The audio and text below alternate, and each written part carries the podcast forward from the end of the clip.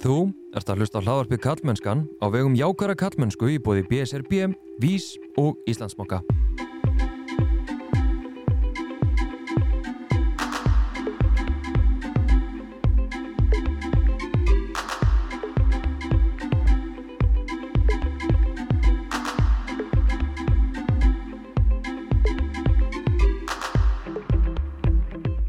Ég heiti Þorstein Maður Feinarsson og sé einnig um samfélagsmiðlinn Kallmennskan á Instagram og Facebook og kallmennskan.is þar sem þú getur meðal annars fræðist nánar um átakið jákvæð Kallmennska og þar getur þú líka gest bakkjarl við verkefni Kallmennskunar með mánadalegum styrtakaríslum.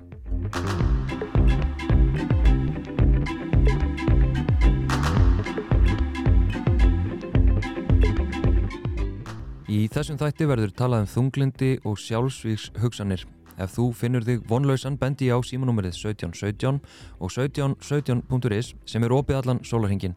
Píetasamtökin, Bergið fyrir ungt fólk til 25 ára og auðvitað bendi líka á sálfræðinga viða um land sem geta veitt aðstóð. Dr. Tómas Kristjánsson, sálfræðingur, starfar hjá kvíðameðferðastöðinu og hefur meðal annars syndmönnu með þunglindi og sjálfsvíks hugsanir. Við Tómas ætlum einmitt að ræða um, hvað er til ráða þegar vonlausið er algjört, uh, hvaða fyrirbyggjandi hegðun eða forvarnir er hægt að sinna, hvað kunna skýra háa tíðni sjálfsvíks meðal Karla og mýtur í, í tengslu við þunglindi. Velkomin Tómas. Takk, takk.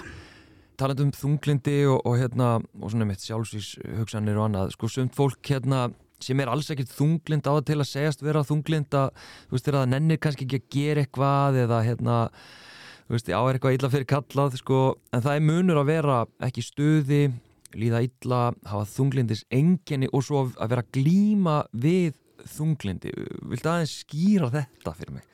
Já, þetta er náttúrulega klassíst að þegar maður heyri fólk segja ég var voða þunglindur í gær Já. og það sem fólk er þá að vísa í er bara tilfinningin deburð eða leiði sem er bara mjög eðlileg tilfinning og allir upplifa og í lægi að upplifa um, þunglindi er sverið röskun og vissulega er deburð og leiði mjög oft einkennandi í þessari röskun en þunglindi snýst náttúrulega um miklu meira. Þunglindi hefur áhrif ekki bara á tilfinningar og líðan, það hefur áhrif á líkamleginkenni, hefur áhrif á hegðun og er svona e, sambland af vítarhingjum sem að halda okkur föstum í ástandinu. Meðan einmitt sá sem að var þunglindur í gæri en er það ekki lengur í dag hann fór að sofa og vaknar betri. Sá sem er eh, að glýma við þunglindi það, hann er fastur í þeim vítarhingjum sem við halda þunglindinu. Upplifir sér allavega þannig og hegðar sér þá í samræmi við það oft og það heldur röskunin í gangandi Mm. Er, þegar þú segir röskun, erum við að tala um þetta í, þú veist, er þetta líffræðilegt, er þetta atverðislegt, er þetta... Bæði. Okay. Uh, það er alltaf mjög skemmtilegt þegar það er verið að reyna að tósa í sundur uh, hérna, líkamleg og andleg enkenni að því að ef að hugsun kemur úr heilanum og heilin er líffæri og hvað er þá líkamlegt og hvað er andlegt ef að hjartað slær hratt í kvíða kvíði er tilfinning, er þá hjartslátturinn tilfinningalegur hjartsláttur eða er hann líkamlegur? Já. þannig að já, þetta er, svona, þetta er alltaf skemmtileg pæling en hérna svarið er samt svarið er samt bara bæði. Það er, já, það eru vissulega ákveðin bóðefna og jafnbæði sem að ásist að í þunglindi um, allar tilfinningar hafa líkamlega enginni eins og ég myndist á hjarsláttinni í kvíðanum og í, með leiða þá kemur þreita og uh, með vonleysi kemur orkuleysið þannig að vissulega líkamlega enginni og svo er ákveðin hegðun uh, þetta hefur, þegar ef við erum þreytt og orkuleys og upplifum vonleysi og tilgangsleysi og debur þá er náttúrulega eðlilegt að við gerum minna mm. einangrum okkur verðum vanvirkari höldum okkur frá frekar fólki mm -hmm. Þannig að já, þetta er atveldislegt og lífræðilegt og tilfinningarlegt og hugrænt og allur pakkin. Og ég er að velta fyrir mér, sko, orsökum þunglindis, hérna, er, er búið að rannsaka það, veist, hvers vegna til dæmis, veist, ég held að ég sé ekki þunglindur eða glíma við þunglindis enginni, uh, en svo er kannski fólki kringum sem er þannig, veist, hvað hva veldur þessu? Um, já, það er mikið búið að reyna að rannsaka það, en eins og með flestar svona geðraskanir þá hefur gengið frekar illa að koma með eitthvað eitt ákveði svar. Um, það eru, þú veist, það er erðaþáttur uh, en það er líka oft margir veigra sig við eins og að segja það eða viðkenna það af því að fólk tekur því oft svolítið sem að ef það er erðaþáttur þá er þetta bara algjörlega einhvern veginn skrifað í örlögin og ekkert sem er hægt að gera Já, sem er alls ekki staðan sko. En heldur kannski meira ef að það er í mikið fjölskyldu saga um þunglindi að þá er maður í meiri áhættu að þróa með sér þunglindi mm. og þeirti þá kannski enn frekar að gera eitthvað uh, í sínum málum heldur en að setja upp hendurnar og segja þetta eru bara genin einmitt. um, svo eru alls konar aðstæður uh, það hefur sínt fram á að tilhera, tilhera minni hlutahópum uh, eigur líkur á þunglindi uh, svona socio-economic status svona þú ert örgulega með betri þýðingu á því samfélags staða mm, inn- innkoma og þess Mm. áttar atvinnu öryggi húsnæði staða uh, það hefur áhrif um, kyn hefur áhrif hefur reyndar svona það er búið að vera mikið rannsakað á köllum og konum Mm. og það er hefur, var alltaf talað um sko að líkurnar eru mun meiri fyrir konur að vera með þunglindi en kalla Já, já. en svo er svolítið svona uh, sámunur mingar með hverju árinu og ég held að sé ekki það að þunglindi sé að breytast eða kallar eða konur sé að breytast heldur erum við betur að ná utanum þetta og við erum að sjá að byrtingamyndin er kannski aðeins önnur og hérna og það að kallar í svona jafnaði eru ólíkleri til að leita sér hjálpar það býr til skekju, það er náttúrulega líka Já, já, já, einmitt. En síðan líka því hún nefnir sko með samanbyrjunum milli kalla og kvenna og ég ætla svo sem að gera þá eftir en, en þá veist mér líka áhugavert að eða áhugavert, það er meira bara hræðilegt að, að heyra úr til dæmis reynsleheimi já, transfólks og, og kynsegin fólks sem að hérna þú veist, ég hef heyrt, transfólk lýsa því að þetta tímabil það sem að þú hérna ert að gangi gegnum ferlið, breytingaferlið þú veist hvernig þú svona byrtist fólki félagslega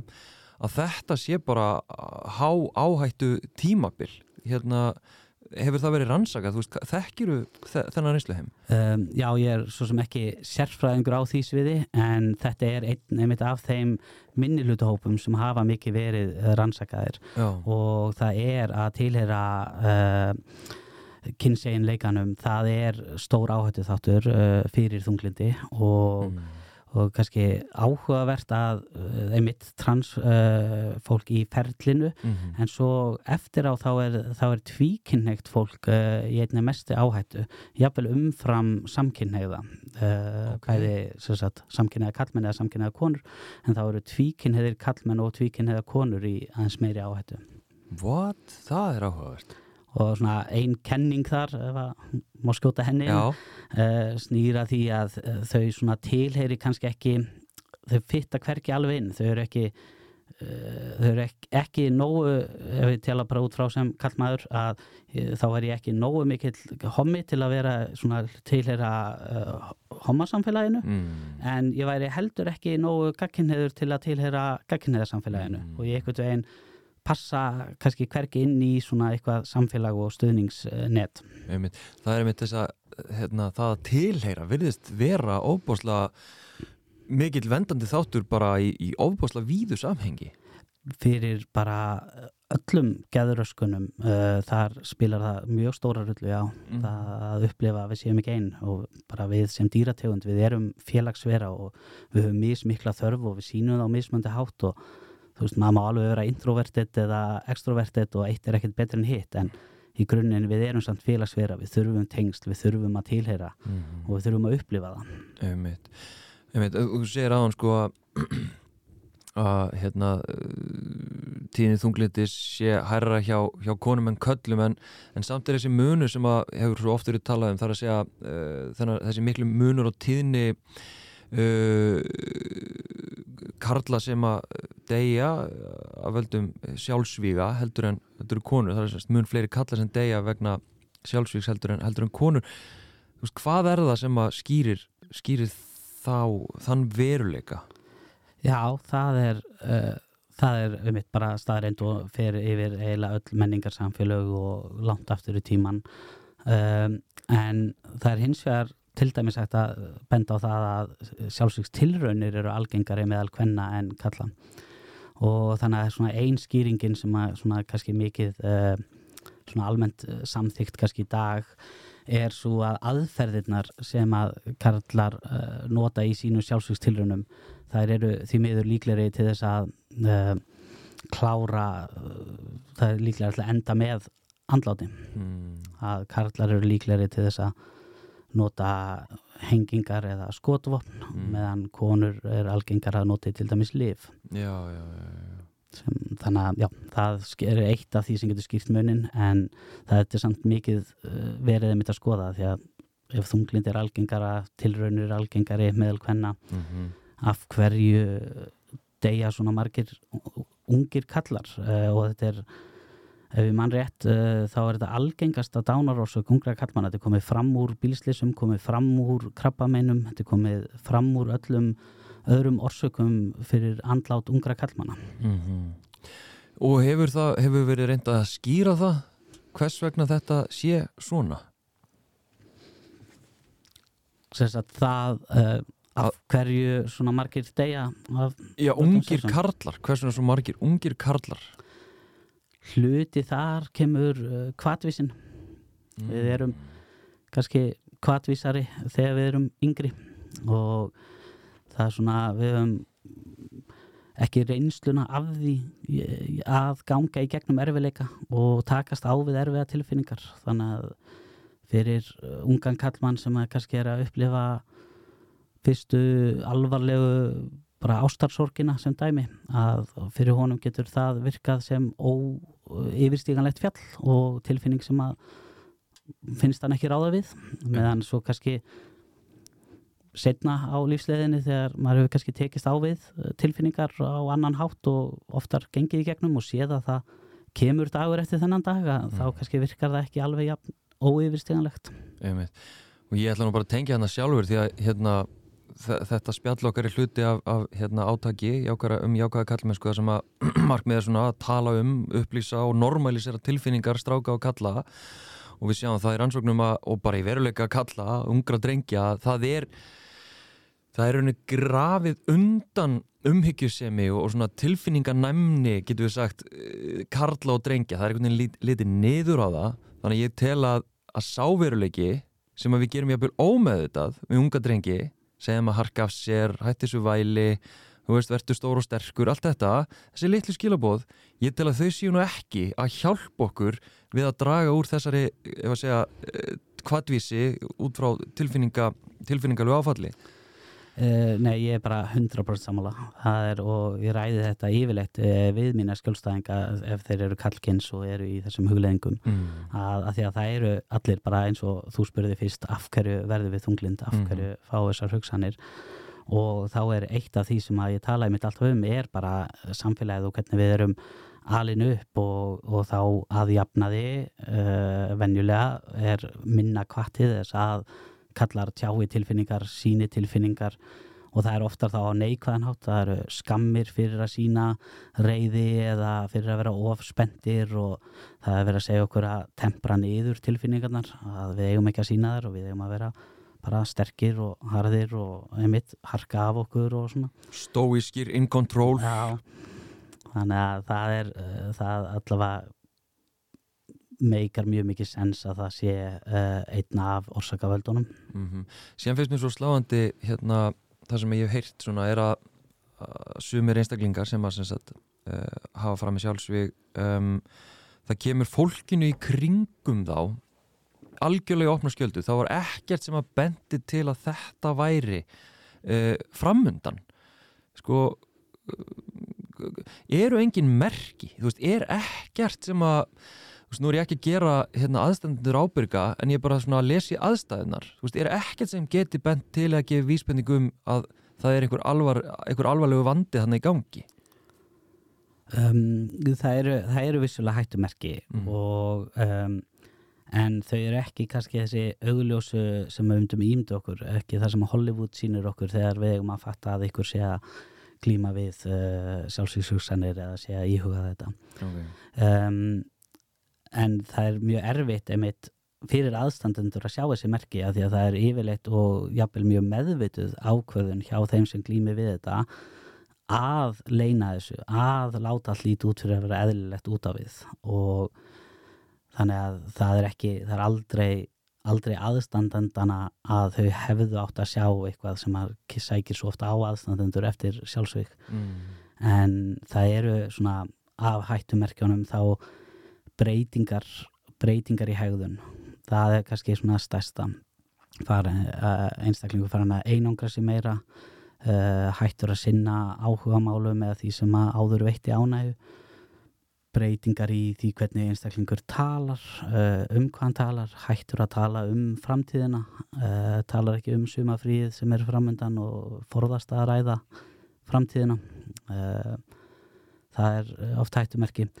Svo þegar svona er komið nær, þegar búið að taka ákverðunna, þetta er nú yfirleitt svolítið langt ferli þar sem að það er þessi laungun og vilji til þess að taka í líf mm. en áður en það kemur sérna að því að taka ákverðunna og eftir að ákvörðunni tekinn þá oft uh, kemur í raun uh, lítur út fyrir aðstandendum eins og ástandi sé að vera betra það kemur meiri ró það léttir yfir hjá einstaklingnum. Mm. en þá er það eh, því miður oft léttir í raun yfir því að vera búin að taka ákvörðunina. Ok. Og þá eru hættumerki eins og að Uh, sé að gefa frá sér eignir uh, gefa frá sér tilfinningarlega mikilvæga hluti uh, Og, en þetta er náttúrulega erfitt að því að öll þessi hegðunni síðan líka bara eðlilegu hluti af daglegu lífi. Mm. ég get gefið þér eitthvað sem að mér er kært að því að þú er mér kær. Mm. og það er ekki endilega merkjum að ég sé búin að taka ákvörðunum að taka eigin líf. Mm ég get mist áhugan á einhverju áhugamáli og þarf ekki að tengjast þunglindi á neittnátt við megum, megum breytast og þroskast og vonandi breytast við og þroskumst í gegnum lífið. Eimitt Þannig mitt var ég að spyrja um aðstandendur og þú svona aðeins ferði gegnum það, en það er líka eitthvað sem að ég held að sé raunin eh, að, að fólk með eh, segja, þunglind, segja, mörg þunglindis enkenni, jafnvel að þjást undan þunglindi eh, átti sér ekki á þeim vanda sem það er raunverulega býr við? Nei, 100% og það er bara staðurreind að fólk leita sér mjög senkt aðstofar við þunglindi og það eru kannski nokkri þættir sem koma þar inn þú veist það er annars vegar held ég að sé mjög óhjálplegt er stereotypan sem við höfum af þunglindi mm. að við erum með stereotypu af einmitt einstakling sem kannski liggur í rúminu allan daginn, spilar uh, tölvuleiki allan daginn og borðar Doritos og drekkur Mountain Dew. Mm. ég elska Doritos og Mountain Dew en hérna hana ekki, ekki taka því þannig en hérna uh, það er stereotypan. Og ef að ég síðan er að glíma við uh, erfiðar tilfinningar og er kannski fastur í þessum vítarhingjum þungliðisins en ég er ekki upp í rúmi allan daginn ég er að sinna minni vinnu og er að sinna minni fjölskyldu að þá er orðið svona mismats og ég passa ekki inn í stereotypuna og þá fyrir mér get ég ekki verið þunglindur. Já. og af hverju ætti ég þá að leita mér aðstóðar uh, við þunglindi þegar ég er ekkert með þunglindi, ég passa ekki inn í þessa mynd. Fungerandi uh, þunglindi einhvern veginn. Já og sem að flestir eru og sérstaklega í byrjun. Að þú veist það er, það er uh, og, það er og það er síðan hinn ástæðan og sorry hérna. Nei, að, að að það er þessi styrjutýpa en svo er einmitt hitt er vandi við í raun sjálfa skilgreininguna á þunglindi svo ég ætla ekki að fara í aðra hérna filosófiska hérna jú, jú, en hérna að þunglindi er uh, í raunin að mörgu leiti frekar gölluð greining. Mm. að hún er rosalega víð og uh, þú getur verið með tvo einstaklinga sem eru ekki með eitt einasta enkenni samheilagt, ekki neina byrtingamind samheila, báðir uppfylla greiningaskilmerki fyrir þunglindi en eru þeir með sama vandan, þú störfa þeir sama yngripp, uh, mm. enga veginn. Þannig að þetta er, þunglindi er svo mismunandi já, já. og, og það þarf leiðandi líka að passa svo fáir við þessa stereotypu. Það er, það er bara brota, brota, brot af þeim skjólstæðingum sem koma til mín sem að passa inn í þessa algjörlega einangraður, algjörlega vanverkur uh, skilgreiningu. Ok, en ég menna, þú veist, ef að ég ætti að fara að hugsa núna, gæti ég verið þunglindur og ég fyrir að hugsaði mitt, kannski út á þessar staðan mitt, þú veist, ég fungur að ég er að gera og græja, þú veist, ég er bara hérna með alls konar ábyrð og ég er stendundi því og þú veist, og eitthvað, mm, þú veist, ég er að veltaði fyrir mig hvort að bara allt í einu uh, hérna finni menn sig í þeim aðstæðum bara herri ég get ekki meir. Og taka einhverja kvætis ákvörun sem að bara þú veist með ræðilegum afleðingum ég er að spá getur þetta verið svo fyrirvara laust að allt í einu bara? Já, þú veist, og það er og eins og bara uh, sá ykkur tímann tölur uh, sem ég nú ekki séð enduteknar en þá var talað um að hjá ungum kallmönnum að þá var í 66% tilvika uh, þar sem að sjálfsvíkstilraun endaði með andláti mm. uh, að þar voru einstaklingarnir undir áhrifum áfengis eða uh, ykkur, ykkur hugbreytandi livja já, já, og sem eigur líka kvartvísi og svona tekur stopparana frá okkur. Einmitt. þannig að já, þú veist, það er alveg það er möguleikið, það er algengara samt að það er, það er lengri aðdraðandi það er búið að vera að velta þessu fyrir sér og það er búið að vera að uh, þeir eru búin að vera að burðast með í raun þessar hugsanir og þessar tilfinningar og svo í ofan og laga reyna að fela það fyrir öllum að því að mm. þeir eiga ekki að sína þetta, það á ekki að sína þessar tilfinningar. Þannig að uh, sem að eigur bara skömmina og sekta kendina yfir að líða svona einmitt. og sem endar síðan með uh, ákvörðun.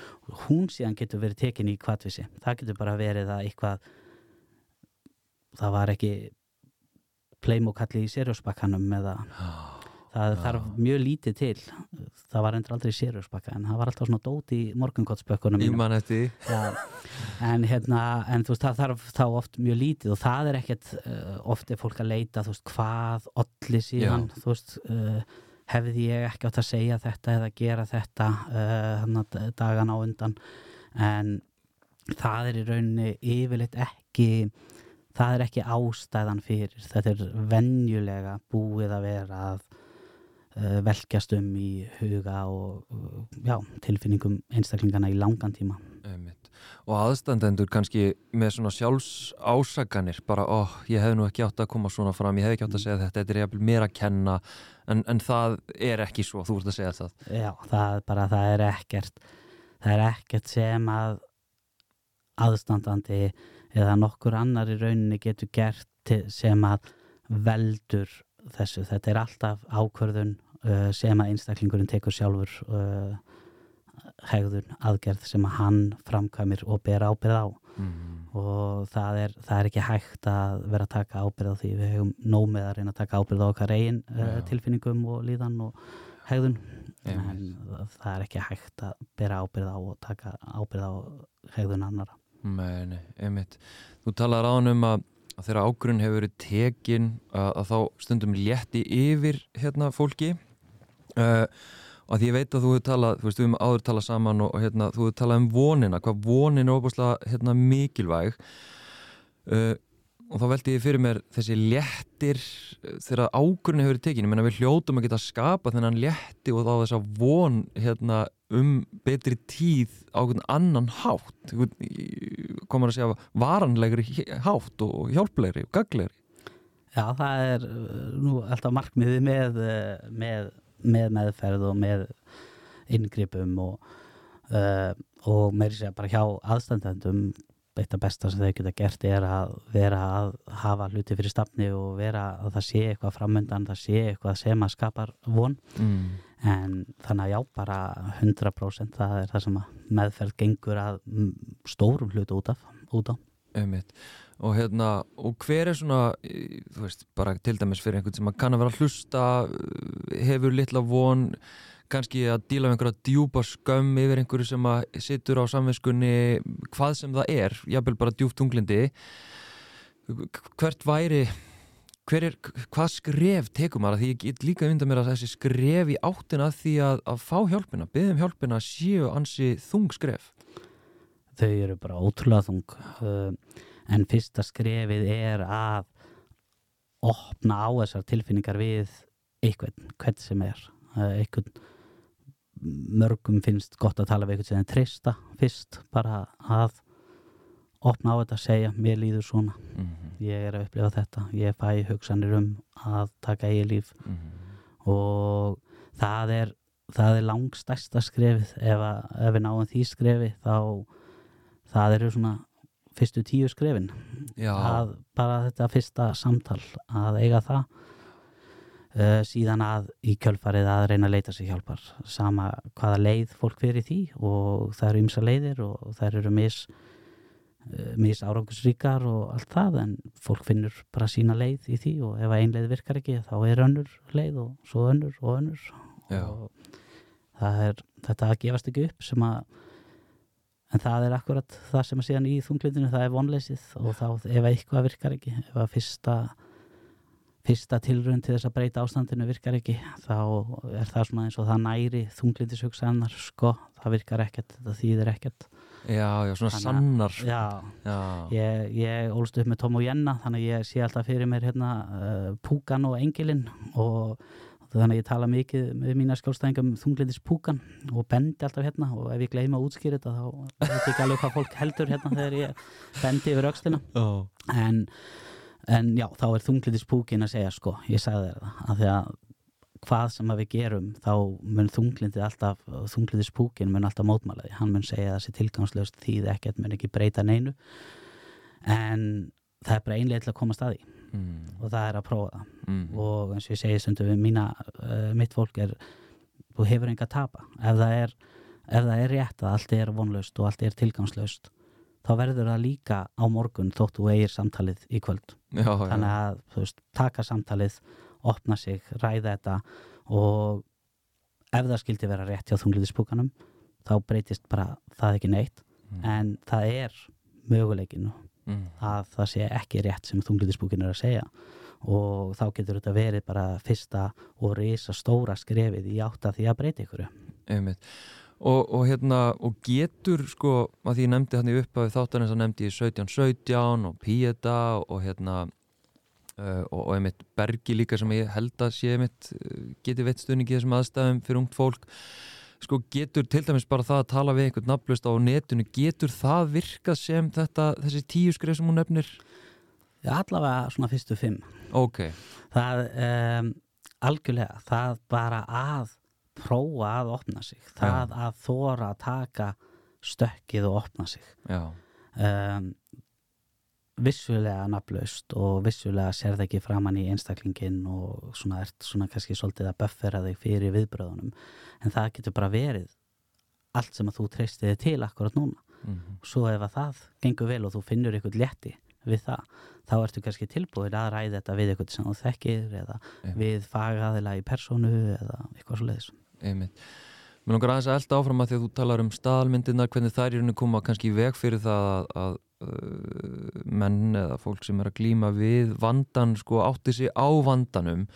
En, en ég ímynda mér að það séu kannski svona merki sem að þú veist og við erum að nota í hérna átækinum í ákvaða kallmennsku, við erum að tala um svona með stein á bringunni, heiminn á herðunum, að vera búin á því. Þú veist, er einhver svona merki sem að sem að geta svona að gefa vísbendingum herri, þú ættir um kannski aðeins að heyra á hennum Tómas en á kvíðameðferðastöðin eða þú veist, heyri einhverjum, fá hjálp.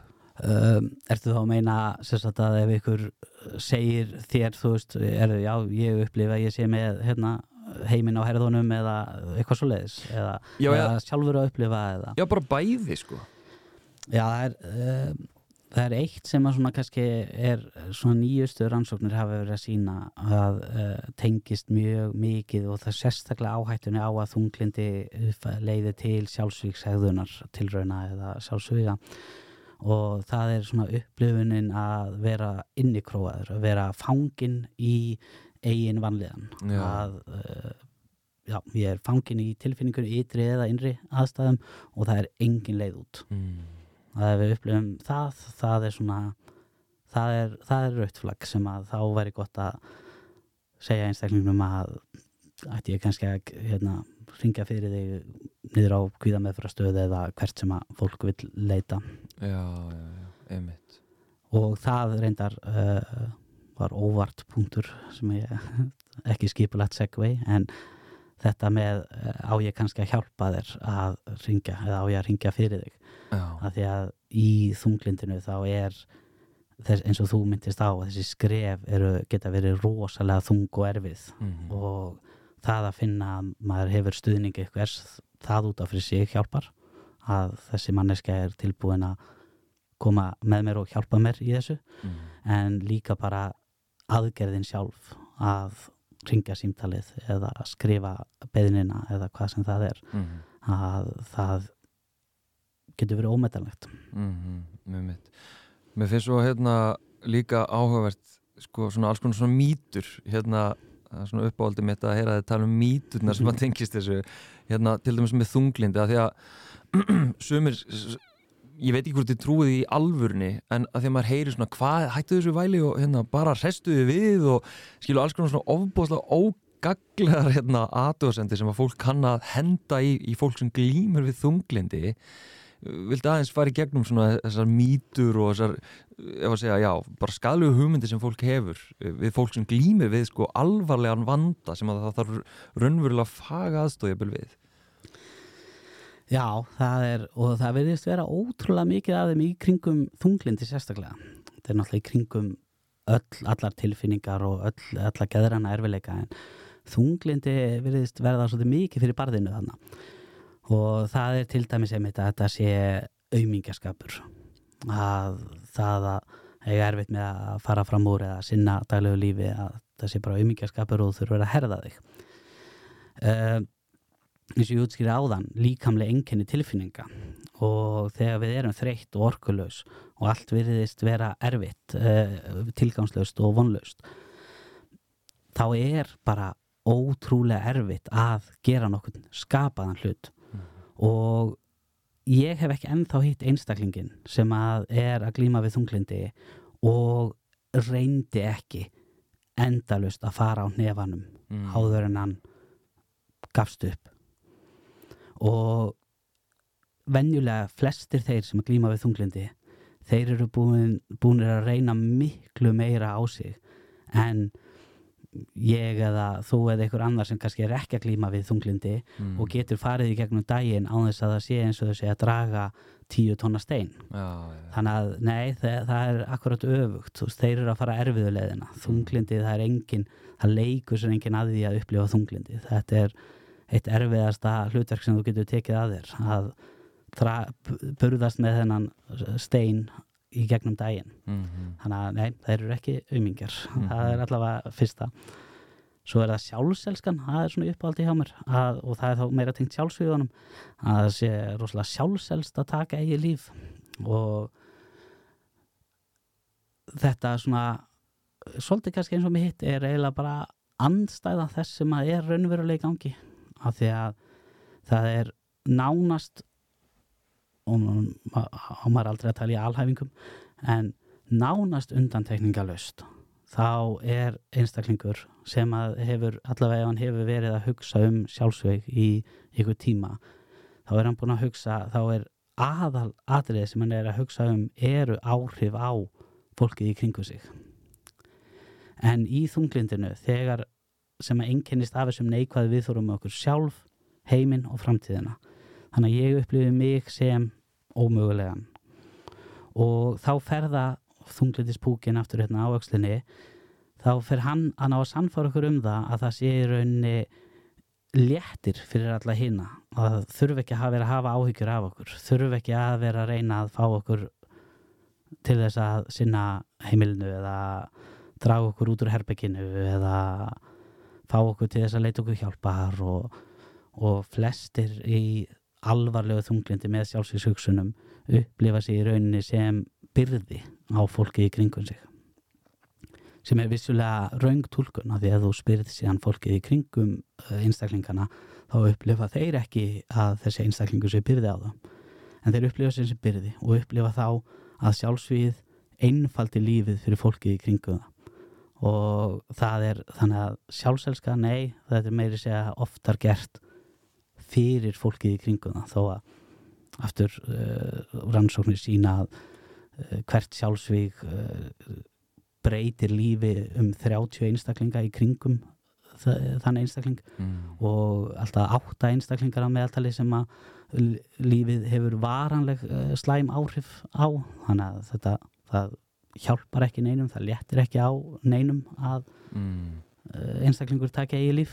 En upplifunin er svo og einstaklingurinn upplifir ekki að hann sé að gera þetta bara fyrir sig að þetta sé auðvelda leiðin út og hann sé sami um alla hína mm.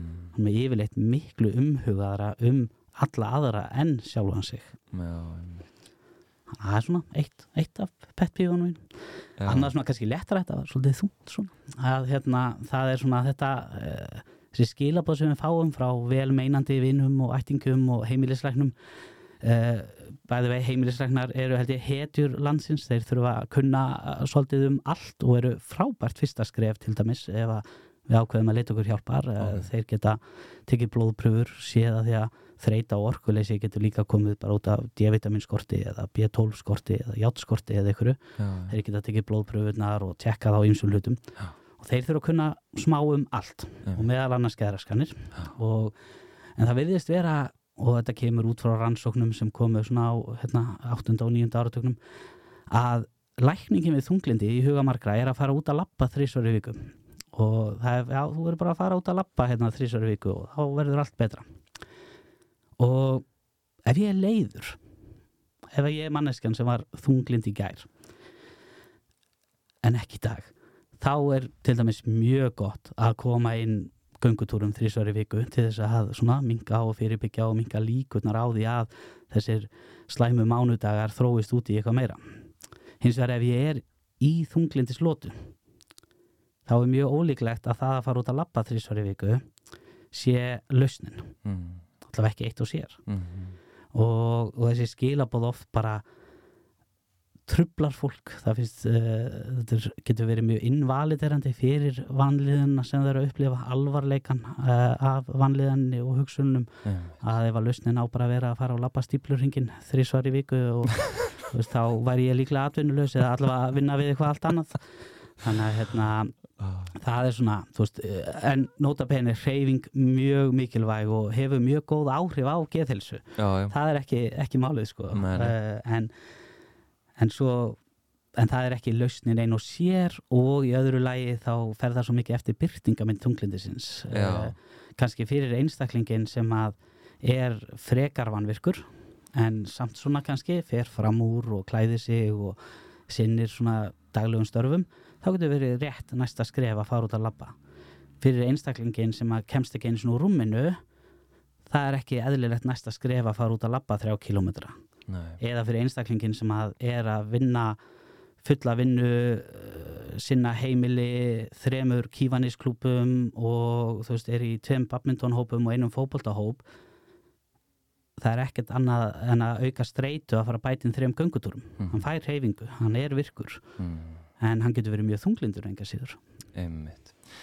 Svona ef við hérna förum að hérna setja punktu fyrir aftan þetta uh, getur ef að segja getur blásið von í einhvern sem að finnur sig í þessum aðstæðum, þessum krefandi aðstæðum þessum vonlösu aðstæðum? Er eitthvað sem að þú getur sagt til þess að blása von í, í, í fólk? Uh, ég vildi að væri ykkur svona ein setning. Það væri geggjað, þá væri ég líklega mjög frægur og, og ríkur maður. Um, en kannski bara skilabóðin samt. Það er, það er alltaf von. Og við Íslendingar svona ættum að þekka þetta ágætlega eh, því ég nótt átt líkinguna við þóku að mm, þú ert að keira upp á heiði og þokan skellur á Já. og svo, þú sér bara eina stykku fram og svo allt í einu sér ekki neina stykku fram. Hvað gerum við? Jú, við stoppum eða hægjum verulega á okkur og þú sér það enga leið út. Það er engin þú veist ekki hvar vegurinn er. Mm, en þú veist samt að það er vegur og í þunglindinu þá upplifum við ofta einmitt að það er bara, það, við sjáum ekki næstu stíku. En það er vegur það er bara rök hugsunum okkar hún veit að þetta er vandamál sem fólk hefur glýmt við lengi. Og fólk hefur náð bata. Og ef að fólk hefur náð bata og rannsóknir sína að meðferð virkar þá er vegur hann undir. Þannig að það er bara að fikra sig áfram.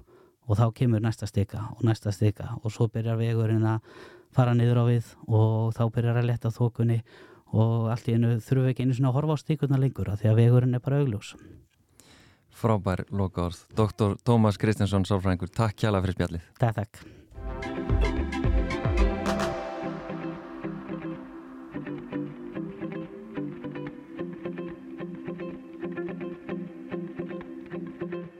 Takk fyrir að hlusta alla leið til enda um, Ef að þið líkar þessi þáttur og þú ert ekki nú þegar bakkjarl karlmennskunar, þá langar mig að benda þér á að þú getur stuðlaða frekari hlaðastáttagerð og fræðsluaktivisma karlmennskunar á samfélagsmiðlum með því að fara inn á karlmennskan.is og gerast bakkjarl með mánaðalegum styrtakreislum. Þú getur valið frá 990 krónum og stuðla þannig að frekari verkefnum og starfsemi karlmennskunar. Mér langar líka til að benda á að það er afskaplega vel þegið ef þú ert til í að reyta þetta hlaðvarp á Spotify eh, og podcast appinu. Gefa, gefa nokkra stjörnur en annars takka ég bara kjælaði fyrir að hlusta. Þá getur næst